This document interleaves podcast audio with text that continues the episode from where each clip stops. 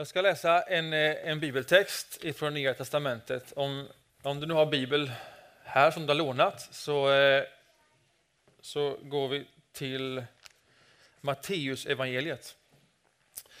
Matteus evangelium kapitel 16 på sidan 692. Vi följer ju kyrkåret under hela sommaren nu eh, och får teman och texter till oss. Och Det är väldigt bra att få ett tema och få en text och gå dit inne i Bibeln från det perspektivet och se vad står detta och vad säger det oss. Jag läser Matteus evangelium kapitel 16 och vers 24.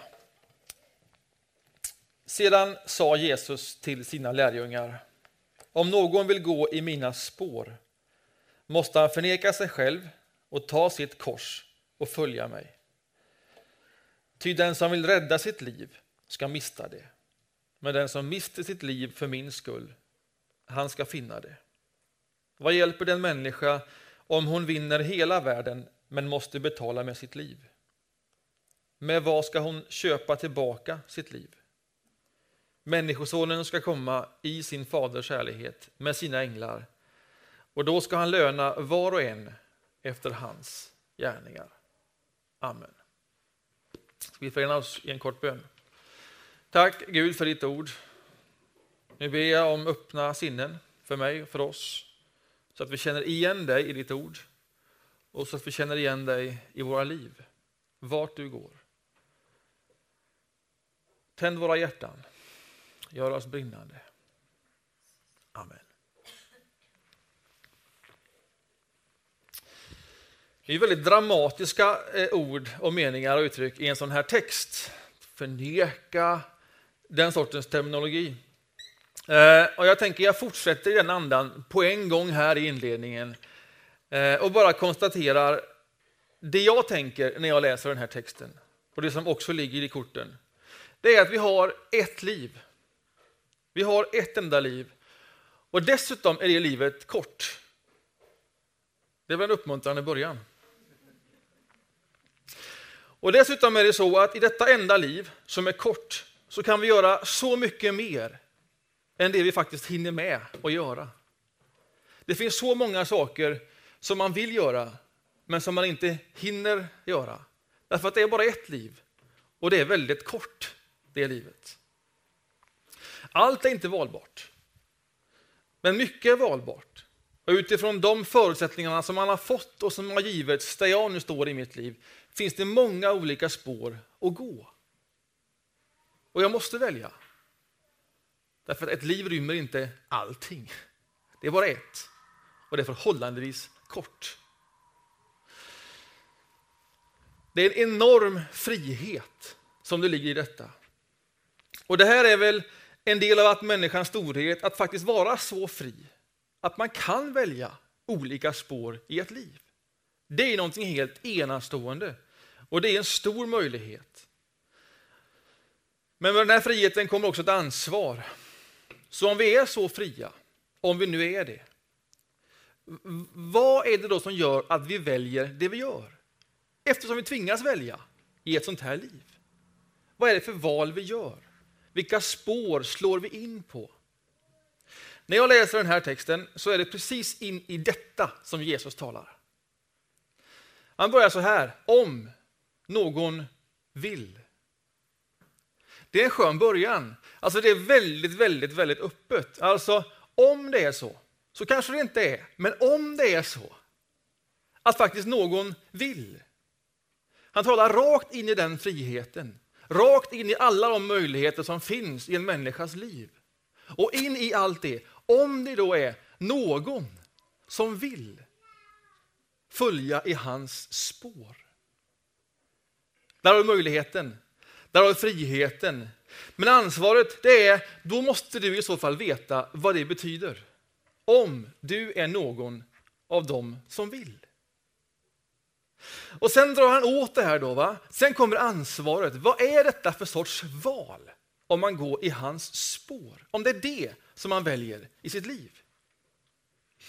Ja, då säger han så här. Ja, då måste du förneka dig själv. Då måste du Ta ditt kors och på det sättet följa mig. Och det här är ju oerhört radikalt.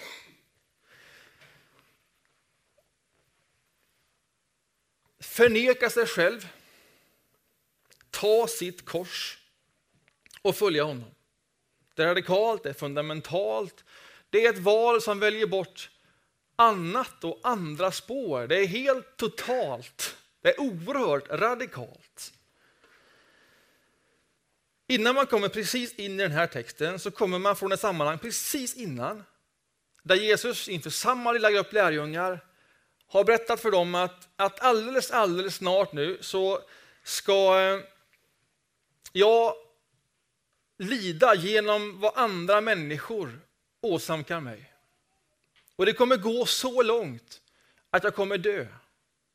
Det är vad som väntar. Och då kliver Petrus, ledaren, den första ledaren i kyrkan, då kliver han fram och så säger han så här, citat. Äh, må Gud bevara dig. Det ska aldrig hända. För det är ju den givna reaktionen de säger, här kommer lidande, här kommer död, detta ligger framför. Aldrig. Och det är klart, Gud bevarar dig från det. Det ska aldrig hända. Och då svarar Jesus, håll dig på din plats, Satan. Starka ord, jättestarka ord. Du vill få mig på fall. Och så säger han så här, för dina tankar, Petrus, är inte Guds, utan människors. Det där är ju spännande. Och jag tänker mig tillbaks till vår text nu. Det är detta som Jesus vill fånga in i detta oerhört starka, dramatiska, radikala språk. Vill få oss att förstå att det finns en skillnad mellan Guds sätt att tänka och människors sätt att tänka i utgångsläget. Där finns någonting som man behöver klä av och som gör att du behöver fatta ett stort val, ett spår att gå på, att följa i det här livet. Och därför behöver man förneka sig själv. Ta sitt kors. Alltså vad ligger i de här orden? Att ta sitt kors, där i fångar man in spänningen i detta. Alltså Jesus har den här kampen mellan människors sätt att tänka och Guds sätt att tänka. För att vi alla har det. Han ska lida, han ska dö, han vet det. Han förutsäger det. Och sen när man närmar sig det, att det då ska hända, det som ingår i hans liv, i hans uppgift, så hamnar han nätterna före i den lilla trädgården Getsemane och där släpps vi in i hans inre kamp, i just den här spänningen. Och där han säger, gode Gud, Fader, om den här bägaren kan gå förbi mig, om det kan ske på något annat sätt, för vem vill lida och dö? Ingen. Men om nu inte det är möjligt, så må det ske din vilja, inte min vilja. Där fångar man in att ta sitt kors. Inte som jag vill, men som du vill. Det är att förneka sig själv och gå någon annans spår, Jesus spår, Guds spår. Inte som jag vill, utan som du vill. Det är oerhört radikalt. Det är helt totalt. Du väljer antingen människors sätt att tänka eller Guds sätt att tänka. Här ska jag göra en parentes. Så här är det vad det står. Så här är det vad vi läser. Så här allvarsamt står det i de här orden. Låt mig göra en kort parentes, en kort utflykt innan vi kommer tillbaka till den här texten. Därför att de här orden är för mig inte enkla att läsa. Därför att de är så oerhört radikala, de är så oerhört svartvita, det är så oerhört bara så eller så, och så vet ju varje människa att så är ju inte livet. Det är ju inte bara så. Vi är ju både och hela tiden. Och när man närmar sig en text och ska läsa en text, vad är det som gör att man hör det man hör i den texten? Vad är det som gör att det appellerar till mig i en sån text? Ja, men det är ju väldigt många olika saker.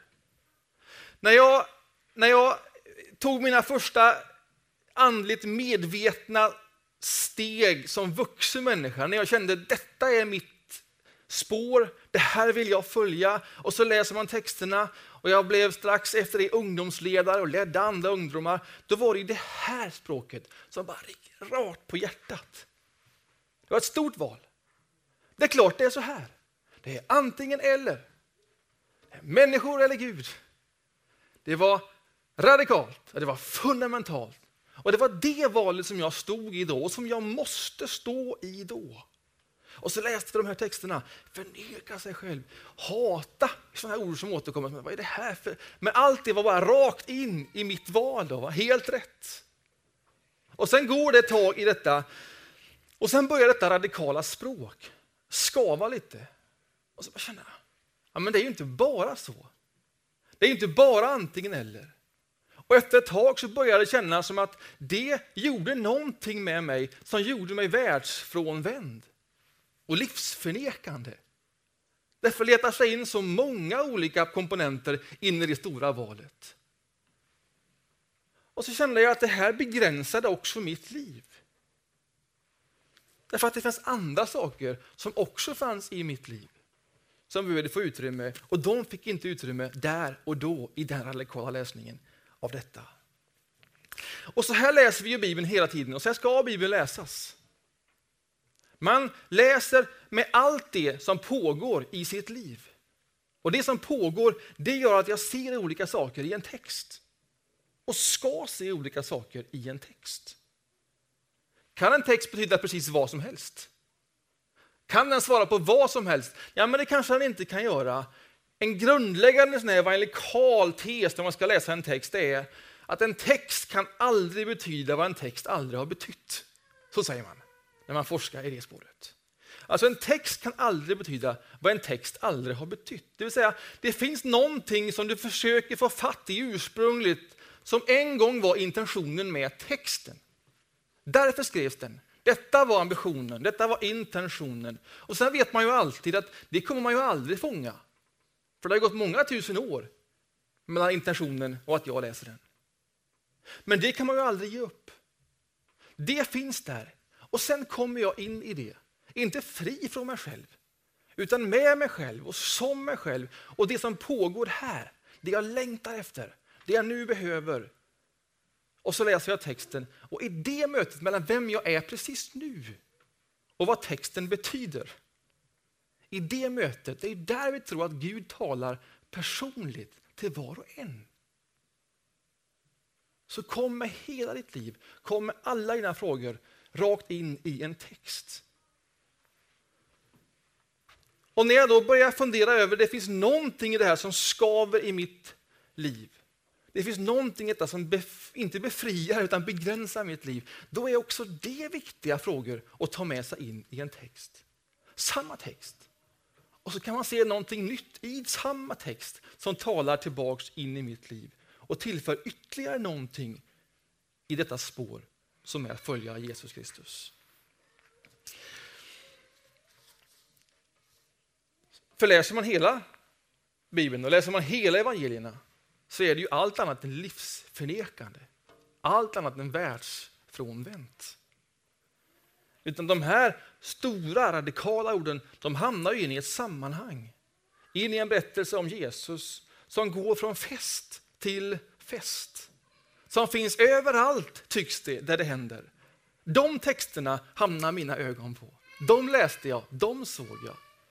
Jesus var ju den som förvandlade vattnet till vin. Det var Jesus som gjorde det. För festens skull. Detta är ju Jesus som går runt och som befriar människor och som lever precis där, där han blev ifrågasatt av så många av religiösa skäl. Där var han.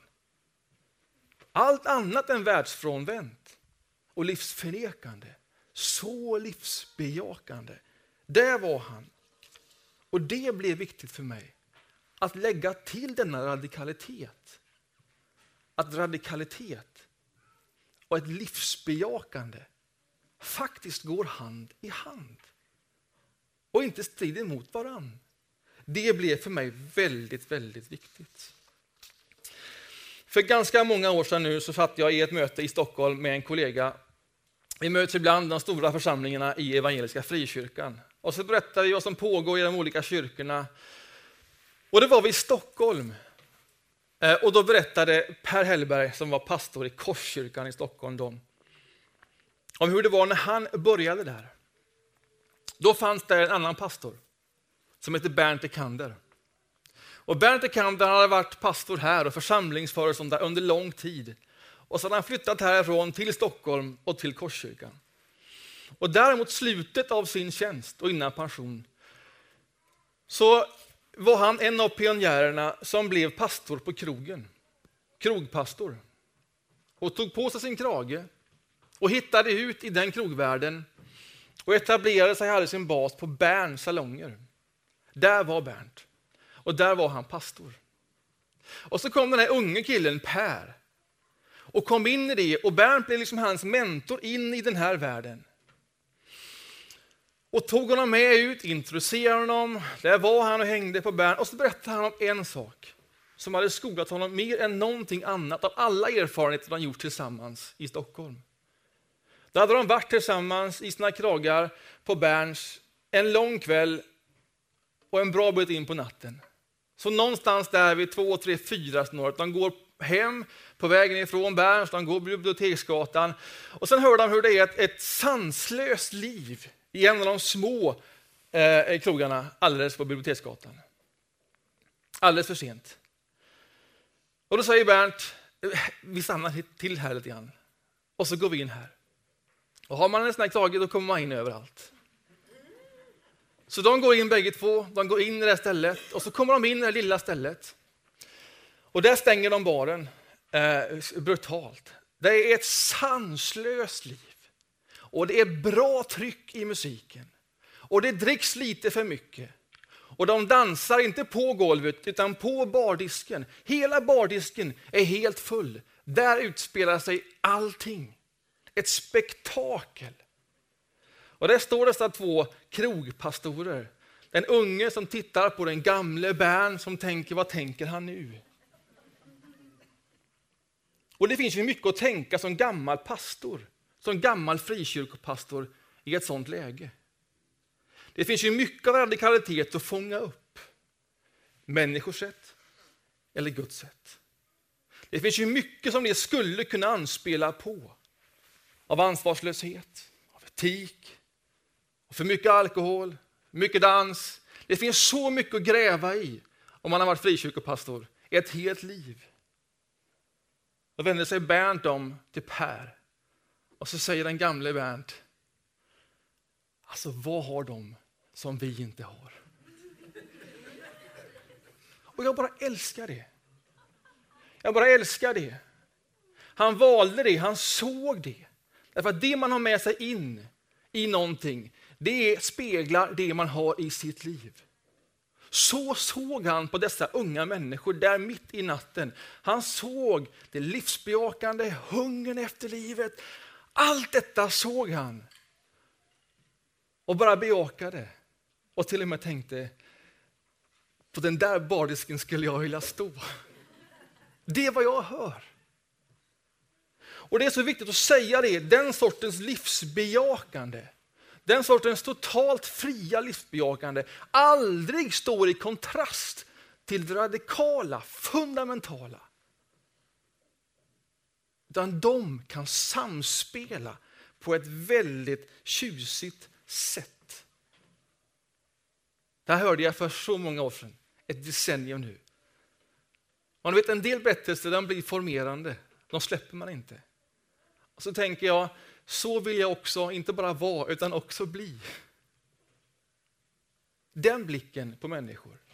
Och inte bara på människor, den blicken på mig själv och på oss och på den här världen. Bejaka livet till fullo.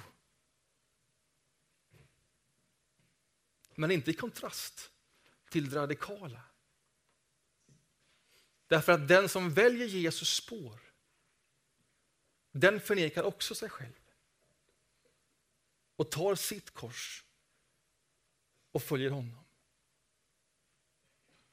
De två lever sida vid sida. Tillbaka till texten. Den som vill rädda sitt liv ska mista det. Det här är det mänskliga sättet att tänka som jag förstår det.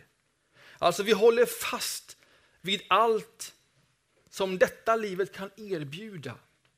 Som om det just vore allt att hålla fast vid. Vi bygger och bygger, vi bygger egen lycka, vi bygger eget kapital, vi bygger inflytande, och vi bygger möjligheter, och vi bygger tid, egen tid som vi är så rädda om. Och sen håller vi fast vid det. Gud vad vi håller fast vid det vi har byggt. Och vi låter ingen och inget få ta det ifrån oss. Och vi ber med Petrus, Gud bevara nu detta.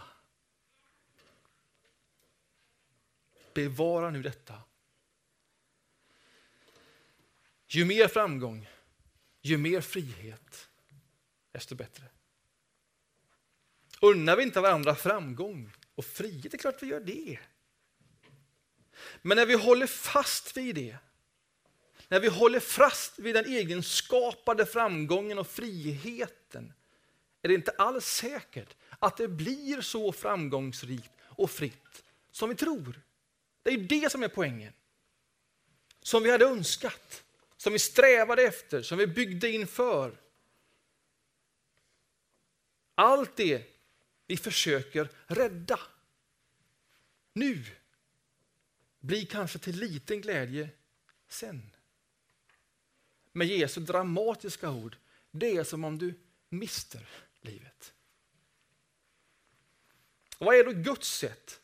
Om man nu ska kontrastera detta. Ja, men Guds sätt är just att inte hålla fast utan släppa taget. Släppa taget om livet, om allt det som är mitt liv och låta det känna inte bara mig själv utan min omgivning. För så är det ju. Han i vars spår vi följer, han ägde allt och avstod från allt. Och just därför har Gud upphöjt honom över allt annat. Alltså kristen tro är aldrig livsförnekande. Tvärtom. Det är ett liv som bygger in i andra människor och i andra människors livsbejakande och behov. Och vi gör det när vi släpper taget om vårt. När vi inte är så rädda om vårt, inte ens vad andra ska tycka och tänka om oss. När vi ser allt som en gåva från Gud. En möjlighet och, lyssna, ett ansvar. Att betjäna sin omgivning.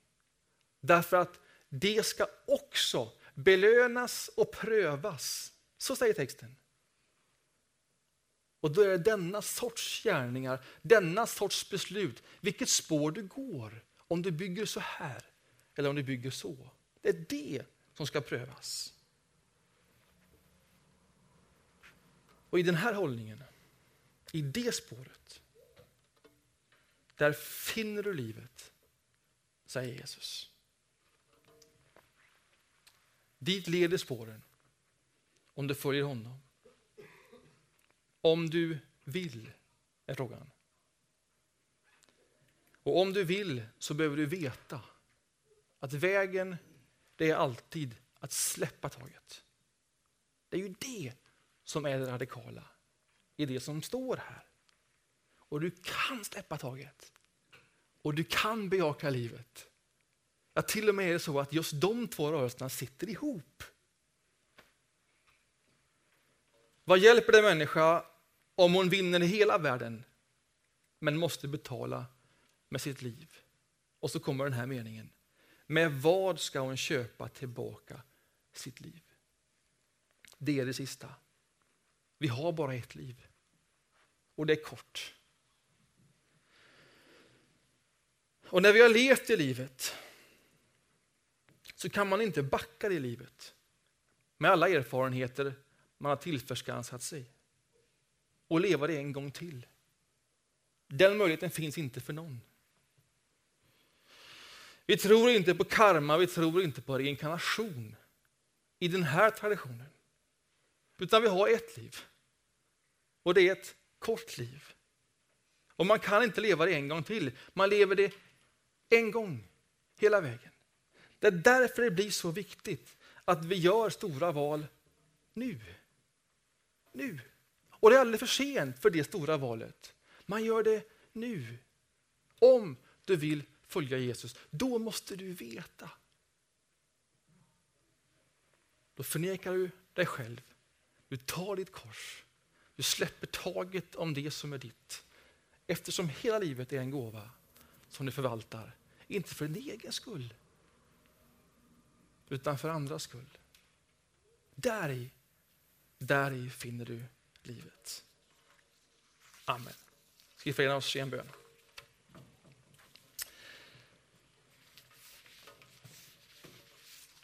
Jesus, tack för, tack för dina ord. Ibland är det inte helt enkelt att förstå, förstå dig.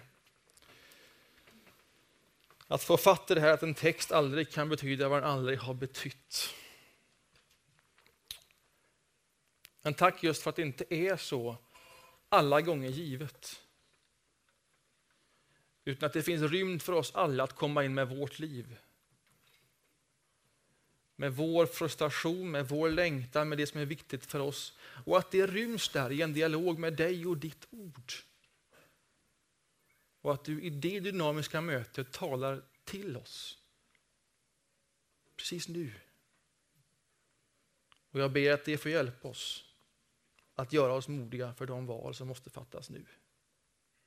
För livets skull. Amen.